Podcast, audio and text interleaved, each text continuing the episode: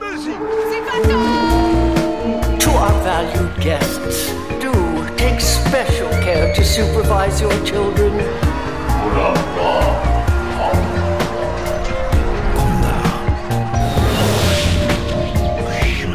Het is weer ochtend in Pretparkland.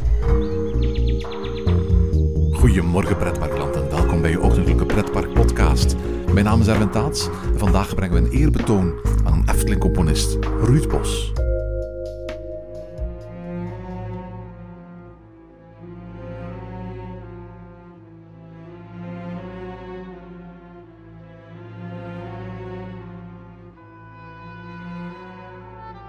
Hoe ongenadig is de tijd soms niet? Afgelopen vrijdag vernamen we het trieste nieuws dat componist Ruud Bos op 87-jarige leeftijd was overleden.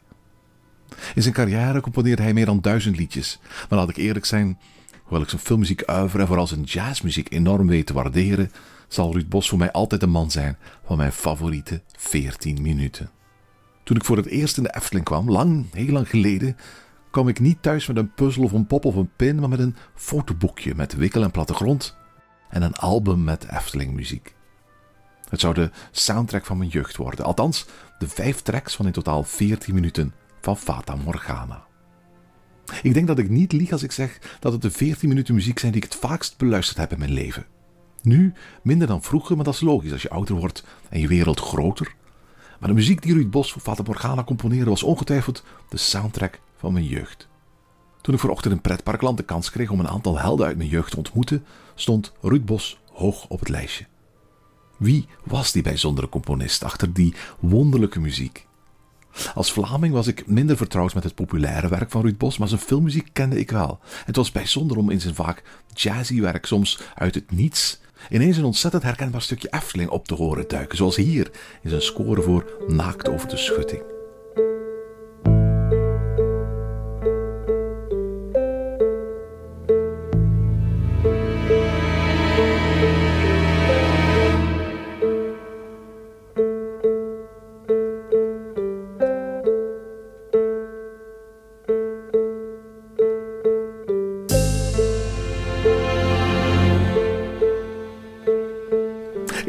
Dat opzicht leerde ik dat het werk van Ruud Bos voor de Efteling niet iets was dat naast de rest van zijn uiver stond. Je kunt de Leeuw van Vlaanderen niet bekijken zonder ook, al is het maar een paar seconden, Vogelrok te horen. Of de aanzwellende violen met pauken aan het begin van het hoofdthema van Dossier Verhulst te horen. En niet even te denken dat je het kasteelrijk van Droomvlucht invaart.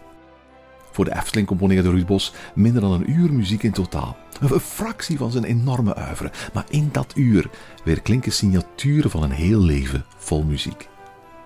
Twaalf jaar geleden had ik de kans om Ruud Bos te bezoeken in zijn knusse appartement in Hilversum. Hij was al honderden keren geïnterviewd over zijn carrière, maar nog nooit hoofdzakelijk over zijn Efteling-muziek. En hij vond de invalshoek bizar. Het was tenslotte al 15 jaar geleden dat hij zijn laatste muziek voor het park had geschreven. Ik protesteerde. Meneer Bos, zei ik, realiseert u zich niet dat terwijl we hier zitten te praten, duizenden mensen elke dag weer in de Efteling naar uw muziek luisteren?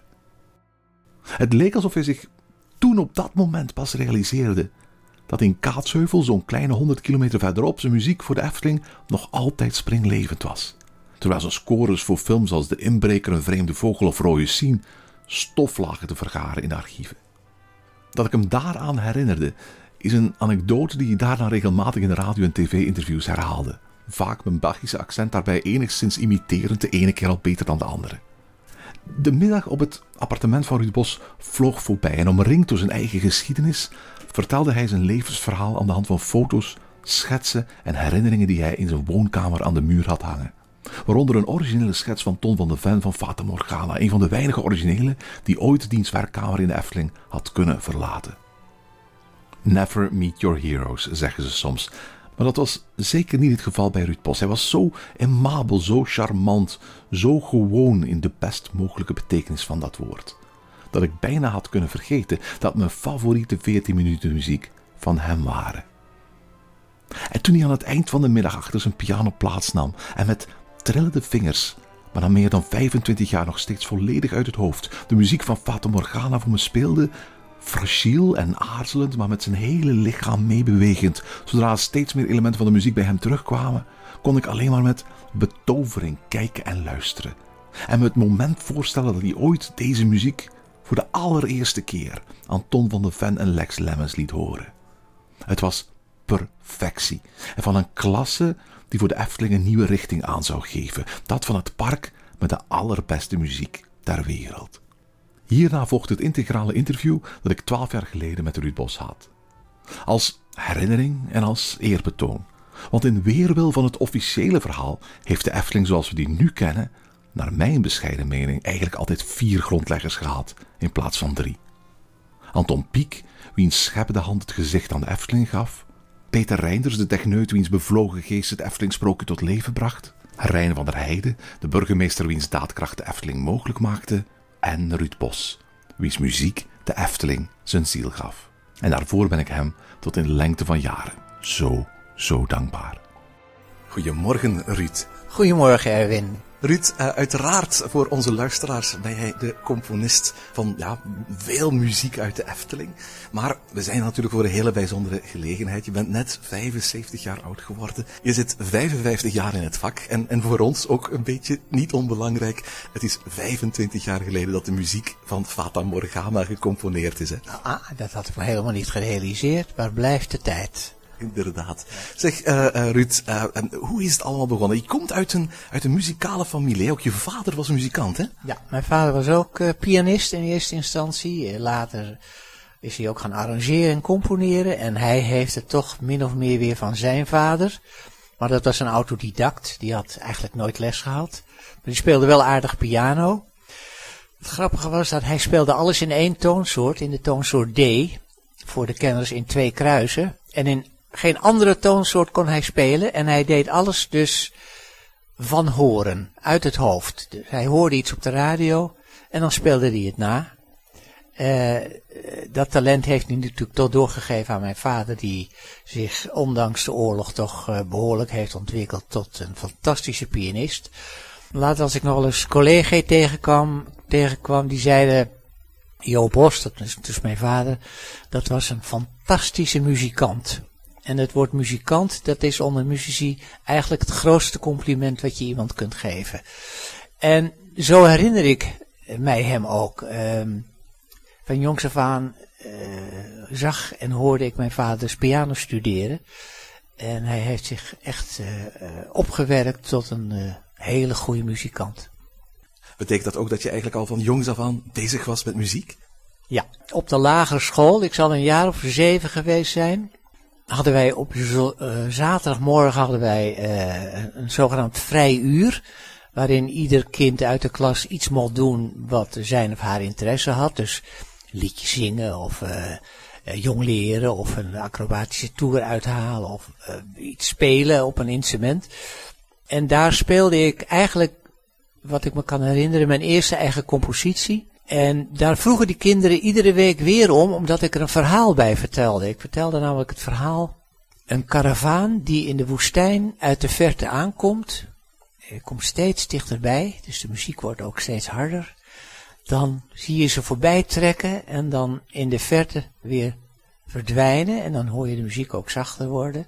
Dat stukje verklaart eigenlijk van het begin af aan mijn liefde voor programmamuziek. Ik vind het wel leuk als er om muziek een verhaal te vertellen is, of als de componist een verhaal verteld heeft. Dat wil niet zeggen dat ik zogenaamde absolute muziek niet kan waarderen, want daar ben ik ook gek op.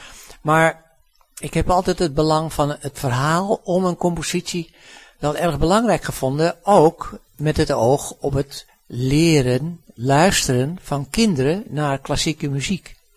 Denk maar bijvoorbeeld aan de film Fantasia van Walt Disney. Ik denk dat het laten zien en daarover vertellen aan kinderen veel meer indruk maakt dan vier jaar muziekles op een lagere school, bij wijze van spreken. Het stond eigenlijk van, voor mij van meter van vast dat ik, uh, dat ik de muziek in zou gaan. Uh, ik heb eigenlijk maar één keer wat dat betreft een dipje gehad. Dat was uh, wij maakten in Amsterdam uh, de hongerwinter mee in 44, 45 en daar hebben wij ook echt uh, onder geleden. En toen werd ik, uh, toen de bevrijding was uitgebroken, hè, we waren bevrijd, werd ik via het Rode Kruis drie maanden naar een pleeggezin in Denemarken gestuurd. En die woonde op een boerderij. En daar hielp ik mee met de dieren voeren en uh, paardrijden en uh, eieren rapen. En ik stond erbij als er een varken geslacht werd. Afijn, toen ik terugkwam wilde ik later boer worden. Nou, dat heeft niet zo lang geduurd. Uh, Gelukkig maar. Spoedig nam de muziek weer de overhand. En mijn vader zei, ja, ik raad het je niet af, maar je moet je wel realiseren dat het moeilijk is om aan de kost te komen. U ging uh, piano en conservatorium doen in Amsterdam, maar u heeft daar in Amsterdam nooit afgemaakt, hè? Nee. Uh, wij gingen, mijn ouders en ik en mijn zus gingen in 1953 verhuizen van Amsterdam naar Bussum. En ik had in Amsterdam had ik eigenlijk weinig uh, aansluiting. Want behalve klassieke muziek, wat mijn grote liefde is, uh, hield ik natuurlijk ook van lichte muziek. En hield ik ook van uh, jazz te spelen en te improviseren. En dat werd op het conservatorium in Amsterdam niet zo op prijs gesteld. En toen hoorde ik, toen wij in Bussum woonden, dat er hier een, een, een, een muziekschool was. Dat was toen de tijd nog de maatschappij ter bevordering van de toonkunst. En er waren een aantal leraren die heel bekend en heel goed waren. En toen ben ik daar eens gaan praten. En toen heb ik daar eigenlijk de laatste drie, drieënhalf jaar van mijn studie afgemaakt. En er geen spijt van gehad, want ik had pianoles van Herman Oelhorn. Dat was een fantastische concertpianist. Ik had uh, theorieles en ook pianoles van Anton Dresden, de directeur. Ik had compositie en arrange arrangeren van Herman Velderhof, ook een grootheid. Dus het was alleen maar in mijn voordeel dat ik daar mijn studie afronde. En ik heb gewoon dezelfde, uh, hetzelfde examen als waar het conservatorium voor opleidde, heb ik gewoon uh, in, in Den Haag afgelegd. Staatsexamen piano en theorie. U bent piano gaan studeren.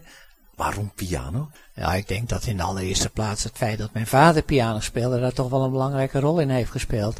De piano geeft je natuurlijk wel heel veel mogelijkheden. Ook als je uh, zelf gaat arrangeren en componeren, dan is het ontzettend handig als je een beetje of goed piano kunt spelen. Ja, de piano is natuurlijk toch uh, ja, daar kun je zoveel mee. Je kunt daar zoveel mee suggereren. Uh, een componist die van zijn klassieke werk een, een uittreksel maakt. Wat, waar meer mensen kennis van kunnen nemen. Die maakt een piano-uittreksel. En niet een viool- of trompet-uittreksel. Omdat je met je tien vingers en de mogelijkheden van notering heel veel van de oorspronkelijke partituur kunt vastleggen. Dus wat dat betreft, uh, ja, is piano wel voor mij een heel belangrijk instrument geworden. Een componist die muziek maakt in opdracht van iemand anders. Hoeveel van jezelf kun je in zo'n muziek leggen? Ik zeg altijd, en wat de opdrachten ook mogen zijn, of het nou voor een tekst is, of voor een film, of voor een toneelstuk. Je moet als componist toch je eigen handtekening kunnen zetten. Um, ik heb uh, lesgegeven op het Rotterdamse Conservatorium. En iets waar ik me helemaal zelf niet van bewust was, was dat ik toch een eigen stijl van schrijven heb en met een eigen klank. En eh, eigenlijk hebben een aantal leerlingen mij daar voor het eerst op, opmerkzaam gemaakt, want zelf sta je daar helemaal niet bij stil.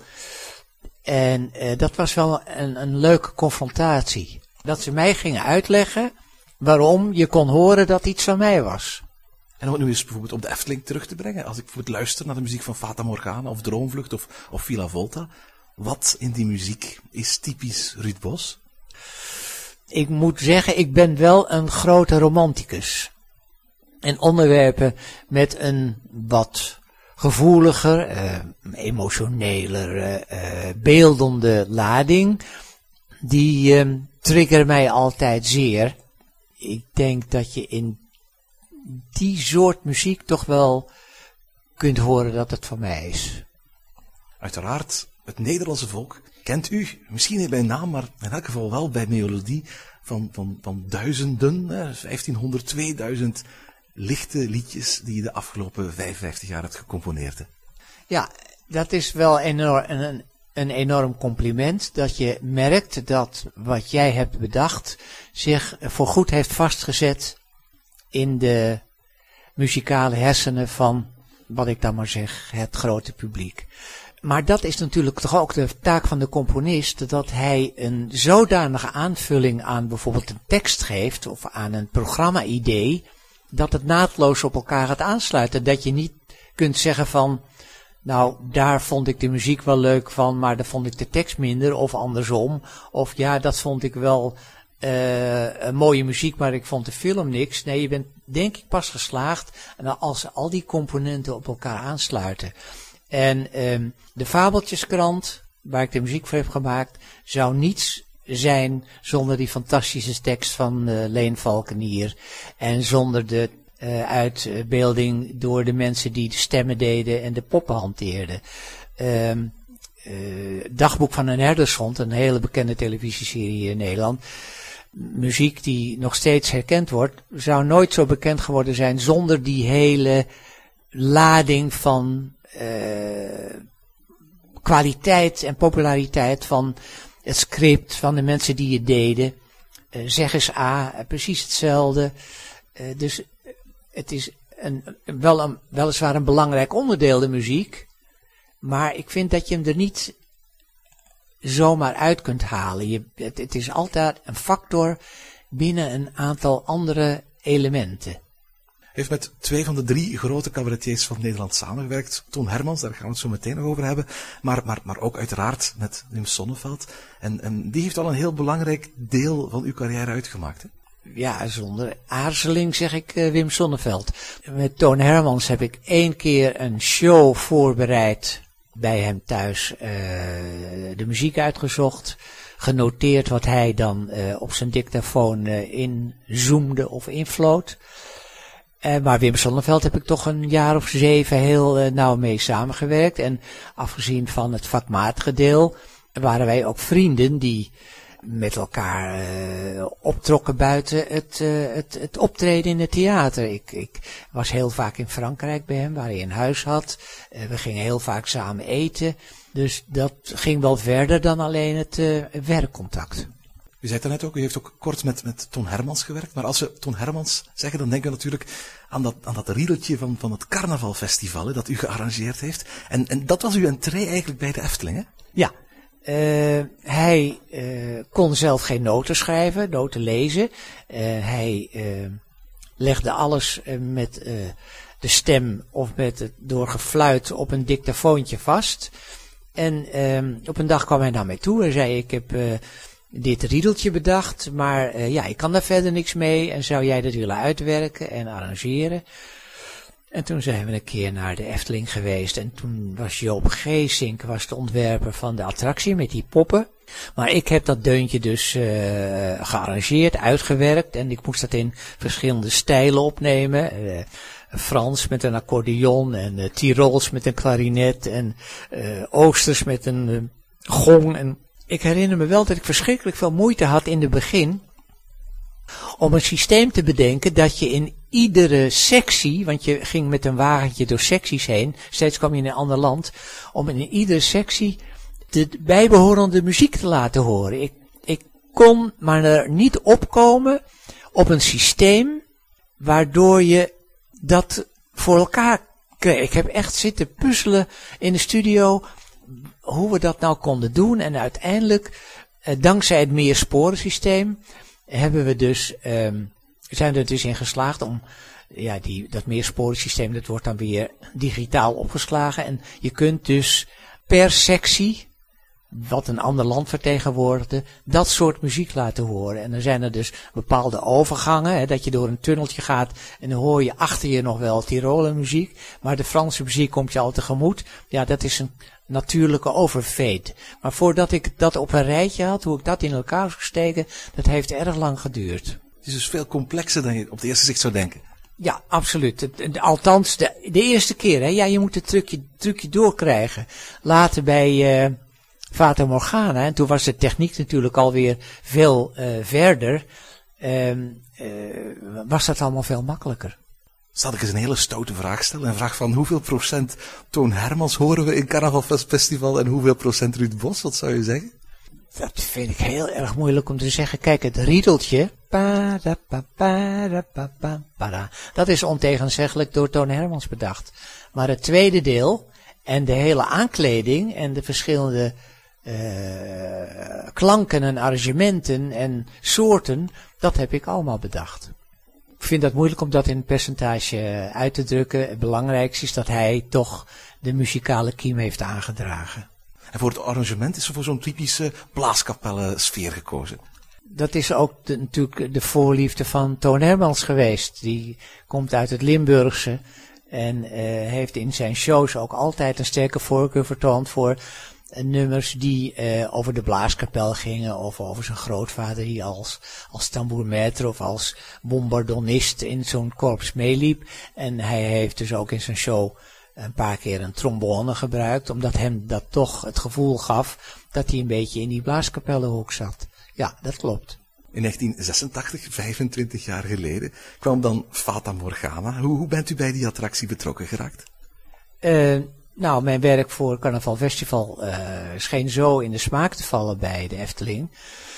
Dat uh, de toenmalige uh, ingenieur, zou ik maar zeggen, Lex Lemmens en de creatief ontwerper Ton van der Ven weer bij mij kwamen met een verzoek om Vater Morgana van muziek te voorzien. Bij dat project ben ik eigenlijk van het begin af aan betrokken geweest. Dat wil zeggen, echt op de tekentafel voorgeschoteld krijgen hoe het er ongeveer uit zou zien met illustraties, uh, hoe uh, de loop van de bootjes zou zijn, uh, hoe het in verschillende secties onderverdeeld zou zijn, wat er te zien zou zijn. Dat heb ik echt van het begin af aan helemaal meegemaakt. En dan is het natuurlijk ook makkelijker om um, dat op een creatieve muzikale manier in te vullen. Ik heb daar de tijd voor gekregen om daarover na te denken ik vind het nog steeds een fantastische attractie. En de muziek die je hoort als je, uh, als het ware, uh, op dat beginplatform staat, waar de bootjes aankomen en vertrekken. Dat is... Uh,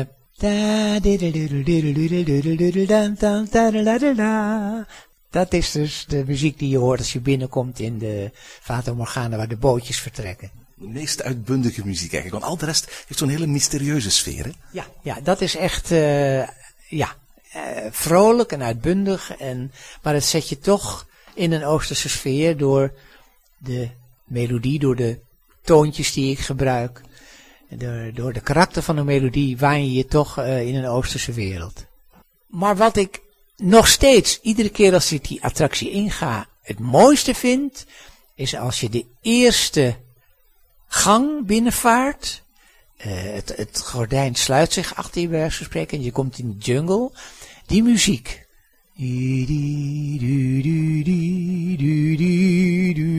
Dat vind ik nog steeds zo ontzettend mooi. En dan kom je in die markt met al die schreeuwende kooplui en die mensen die uit het raam hangen. En dan kom je in die gevangenis waar die arme mensen uh, tot in de hals in het water zitten met die krokodillen. Uh, dan kom je in dat, in dat slot. En dan, wat ik ook prachtig vind, de, dat, die haven met dat grote schip wat er ligt. Met die ook ja, uitbundige mooie muziek.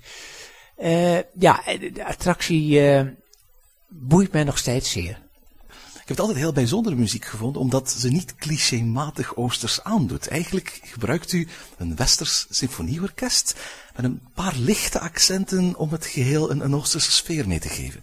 Ja, ik vind je moet rozen niet roder kleuren dan ze van nature al zijn. En juist die kleine accenten, in de harem en uh, in de, de, haven. Ja, die zijn net voldoende om jou dat idee te geven dat je in een Oosterse wereld uh, terechtkomt. Ik denk dat als je het er te dik bovenop gaat leggen, dat het dan weer een beetje kitscherig wordt. Nu blijft toch uh, de melodie, want ik ben in de allereerste plaats toch een melodist, als je dat zo mag uitdrukken die blijft dan toch altijd overeind. Wat voor toeters en bellen je er eventueel aan hebt gehangen. En dat vind ik wel belangrijk. Vind je het ook belangrijk dat, dat een, een bezoeker die de attractie bezoekt, achteraf dat melodietje met zich mee kan nemen, mee kan neuren? A priori denk ik daar niet aan. Maar als dat uiteindelijk wel zo blijkt te zijn, eh, stemt mij dat uh, tot volle tevredenheid. Ja, natuurlijk. Dat, uh, dat, dat wil je toch als iedere componist, dat uh, men jouw melodieën onthoudt. En Fata Morgana, dat is een van de muzieken die ik graag toch Nou, da- daar kan ik niet genoeg van krijgen om dat terug te horen. Want dat blijft 100% overeind. Niet alleen door de manier waarop ik het heb opgeschreven, maar ook door de prachtige manier waarop het gespeeld is. U heeft ook altijd de luxe gehad van, van uw muziek te kunnen opnemen met echt orkest, hè?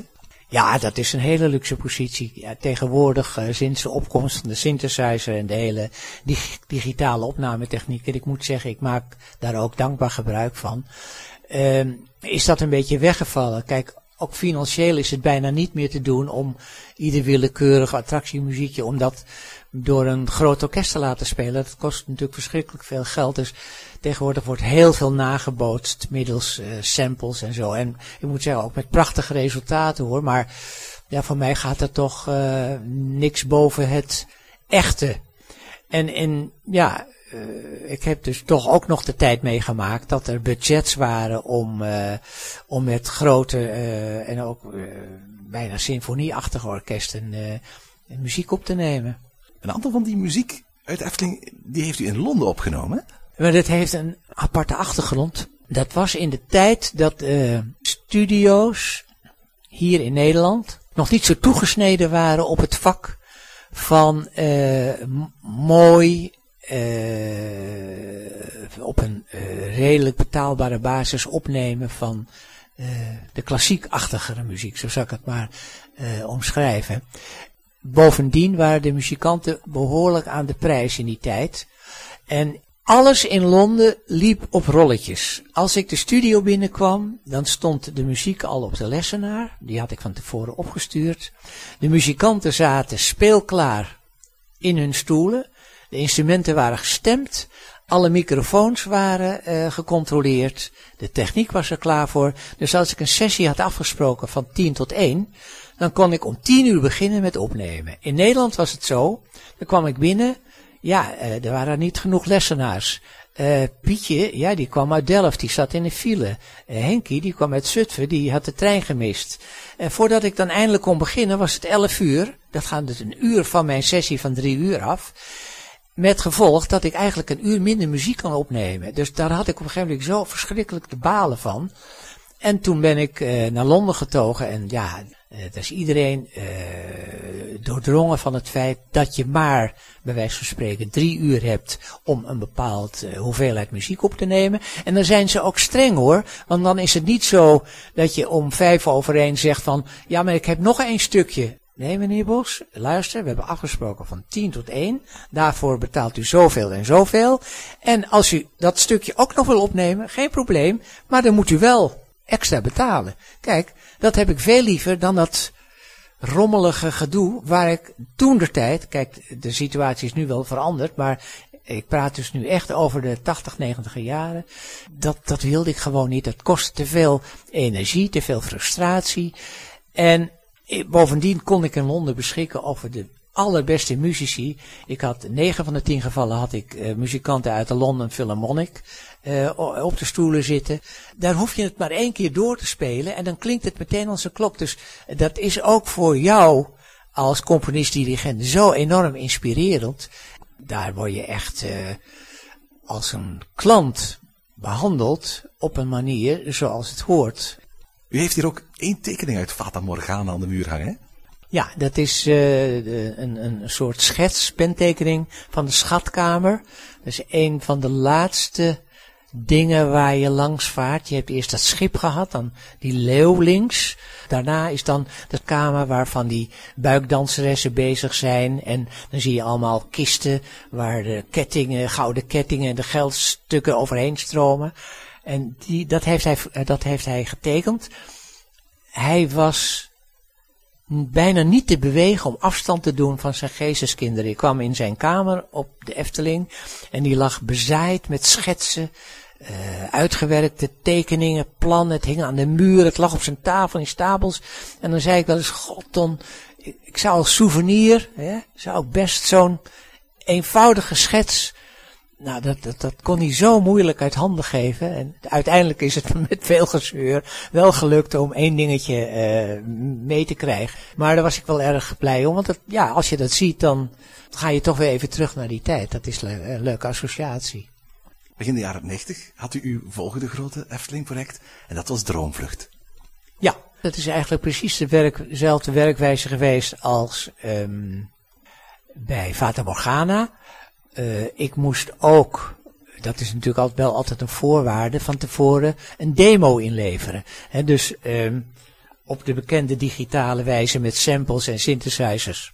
Op een eenvoudige manier. De thema's laten horen die je hebt bedacht. En ehm als je daar dan de goedkeuring voor krijgt, dat het inderdaad klopt met wat zij in hun hoofd hebben, dan kun je dat verder gaan eh, instrumenteren voor eh, het groot orkest. Over welk stuk muziek van, van, van Droomvlucht krijgt u het meeste feedback? Eh, over dat gedeelte waar die elfen en die kabouters in de bomen hangen. Eh, wat met de, met de fluiten begint. Eh, en dan komen later de strijkers. Daar krijg ik altijd het meeste feedback eh, eh, in. Ik denk dat het de mensen precies in de juiste sfeer brengt. Namelijk van een beetje dromerige, sprookjesachtige atmosfeer. Die heel erg goed past bij wat ze op dat moment te zien krijgen. Het weer die combinatie van auditief en visuele eh, sensatie. Eh, de muziekbezetting voor Droomvlucht is, een stuk kleiner geweest dan, dan die van Fata Morgana. Ja, eh, er was iets minder budget. Dus ik heb bijvoorbeeld de horen heb ik geloof ik wel vier keer ingedubt. Ik heb de fluit eh, twee of drie keer ingedubt.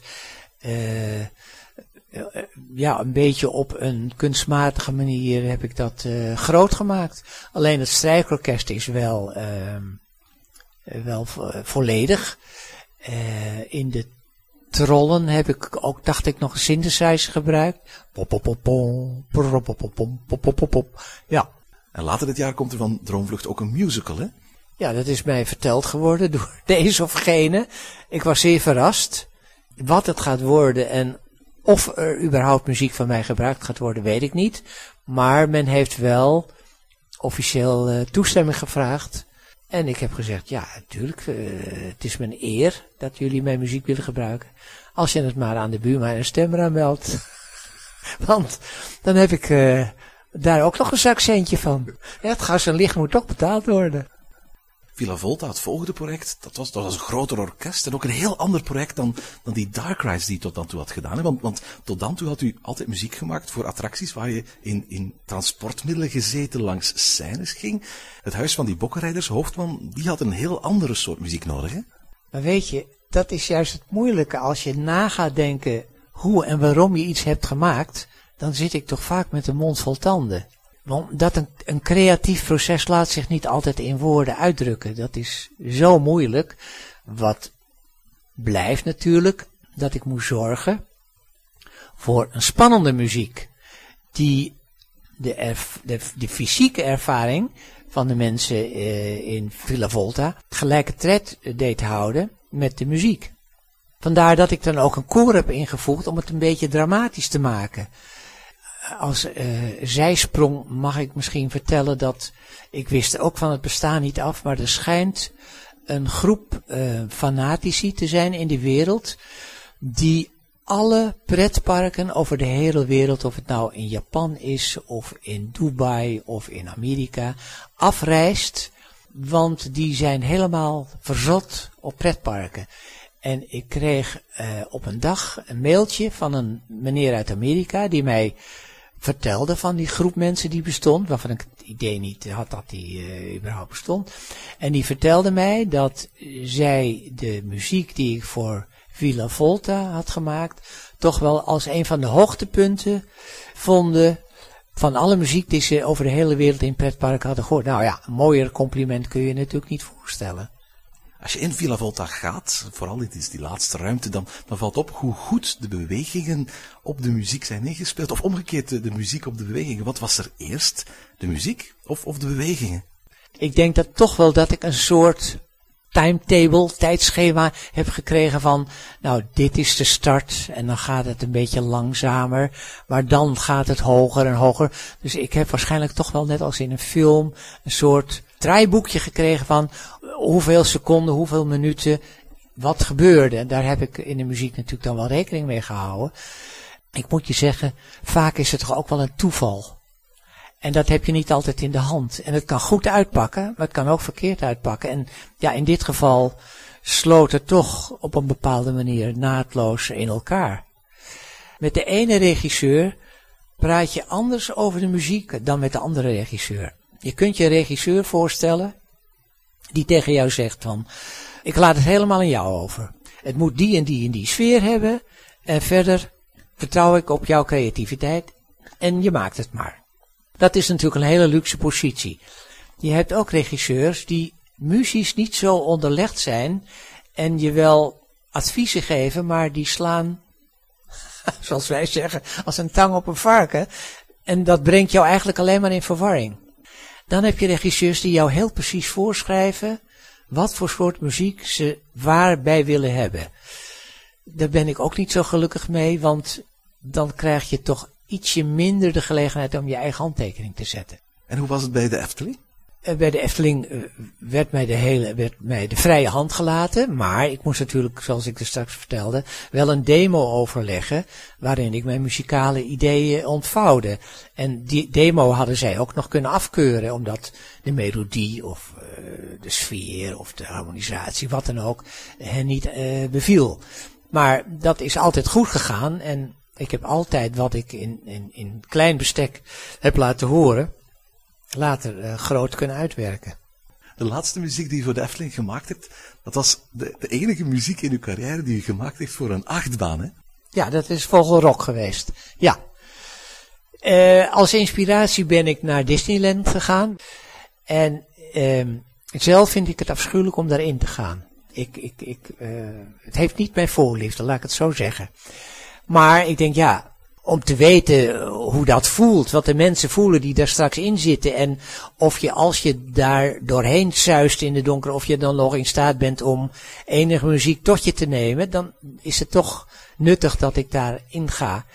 Nou, ik heb het gedaan, ik vond het afschuwelijk, maar het was wel zo dat ik stond buiten en ik had meteen het thema voor Vogelrok in mijn hoofd. Oh ja? Ja. Ik weet niet of ik dat, wat dat, dat, dat doe ik wel vaker. Op het eerste beste bierviltje, eh, eh, achterkant van een rekening van een café of wat dan ook.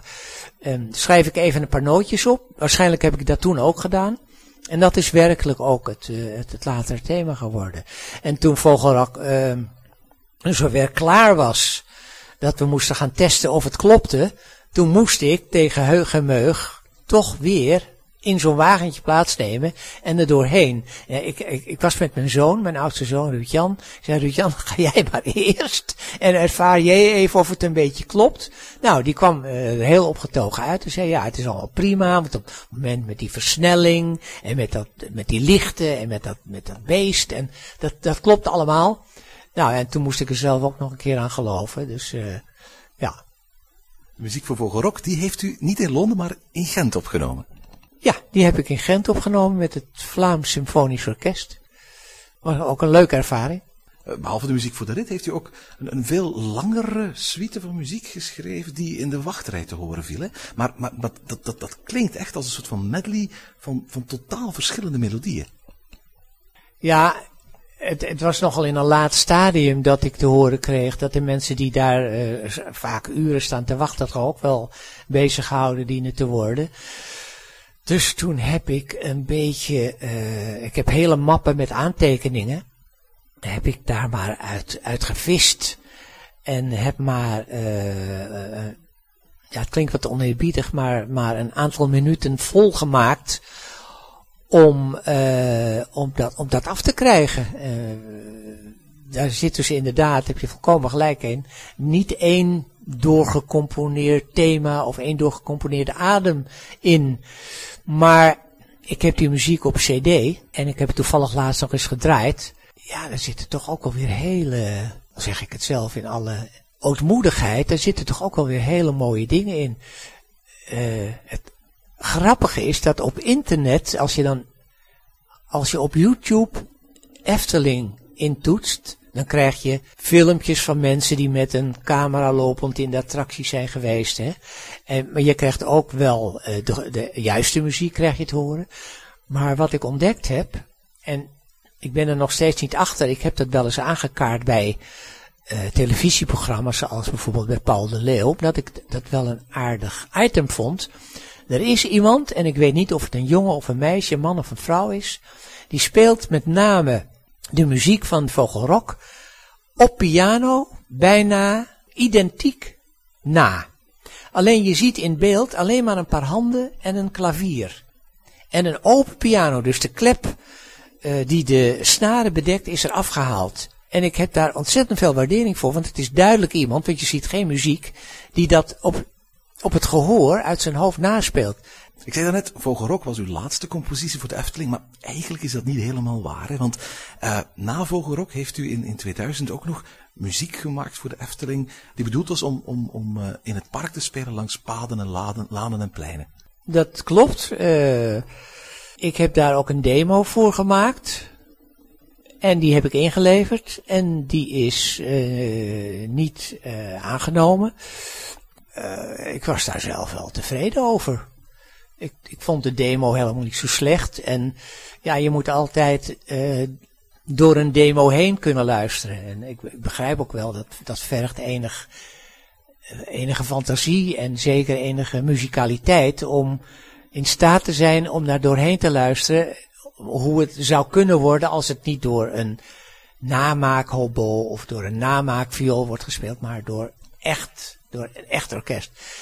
Ja, ik, ik zag dat helemaal zitten, maar anderen niet. En toen ik later een keer in de Efteling was met mijn kleinkinderen, toen heb ik dus andere muziek gehoord uit de luidsprekers. Wat bevestigde dat uh, men mijn muziek daar niet uh, geschikt voor vond. U bent nu bezig met de laatste voorbereidingen voor uw uh, jubileumconcert op 22 mei.